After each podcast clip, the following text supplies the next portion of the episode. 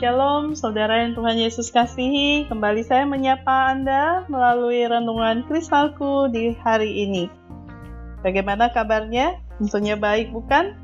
Senang sekali kita akan bersama-sama belajar firman Tuhan. Namun sebelumnya mari kita berdoa. Terima kasih Allah Bapa di surga untuk segala kebaikan dan kemurahan Tuhan atas kehidupan kami. Terima kasih pada hari ini Tuhan masih percayakan nafas kehidupan, memberikan kekuatan, memberikan hati yang dipenuhi dengan pengharapan yang baru bersama dan di dalam Engkau. Saat ini kami rindu firman-Mu Tuhan, berbicaralah kepada kami sebab kami telah siap. Demi nama Tuhan Yesus kami sudah berdoa. Amin. Saudara pembacaan firman Tuhan pada hari ini dari Injil Markus pasalnya yang ketujuh, ayat yang ke-14 hingga 23. Demikian firman Tuhan. Lalu Yesus memanggil lagi orang banyak dan berkata kepada mereka, Kamu semua, dengarlah kepadaku dan camkanlah. Apa pun dari luar yang masuk ke dalam seseorang, tidak dapat menajiskannya. Tetapi apa yang keluar dari seseorang itulah yang menajiskannya. Barang siapa bertelinga untuk mendengar, hendaklah ia mendengar. Sesudah ia masuk ke sebuah rumah untuk menyingkir dari orang banyak, murid-muridnya bertanya kepadanya tentang arti pengumpamaan itu. Maka jawabnya, "Apakah kamu juga tidak dapat memahaminya?" Tidak tahukah kamu bahwa segala sesuatu dari luar yang masuk ke dalam seseorang tidak dapat menajiskannya? Karena bukan masuk ke dalam hati, tetapi ke dalam perutnya, lalu dibuang di jamban. Dengan demikian, ia menyatakan semua makanan halal.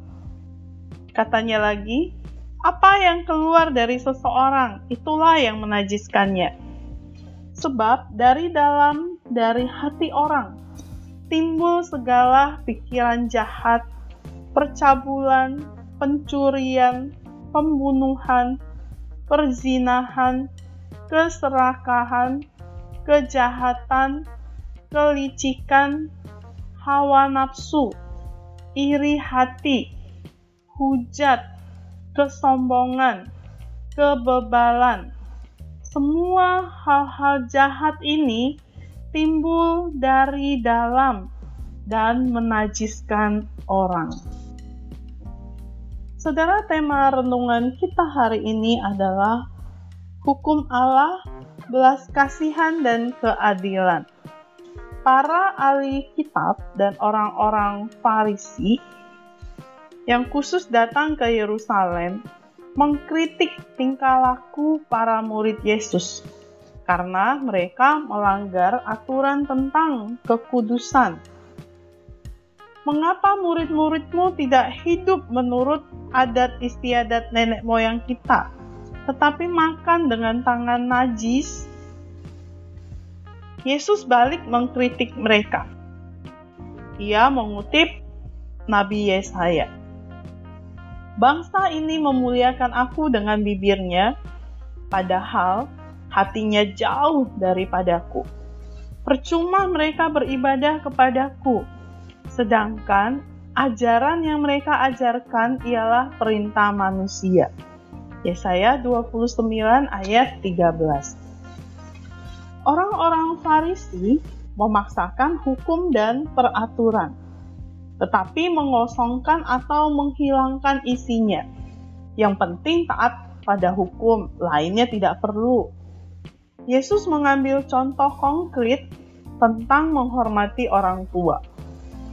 Ketika orang sudah mempersembahkan persembahan berupa harta kepada Allah, maka tidak ada kewajiban lagi untuk membantu orang tuanya, walaupun orang tuanya sakit bagi orang Farisi, hukum dan peraturan di atas segalanya. Hukum dan peraturan telah menjadi tuan mereka. Beberapa pesan penting bagi kita adalah sebagai berikut. Membersihkan bagian luar saja tidak berguna ketika hati kita tetap kotor dan najis. Ke gereja saja tidak berguna kalau kita tidak mau bertobat dan tetap membenci, marah, dan balas dendam. Jangan sampai kita menjadi orang munafik. Yang kedua, penyucian harus datang dari dalam.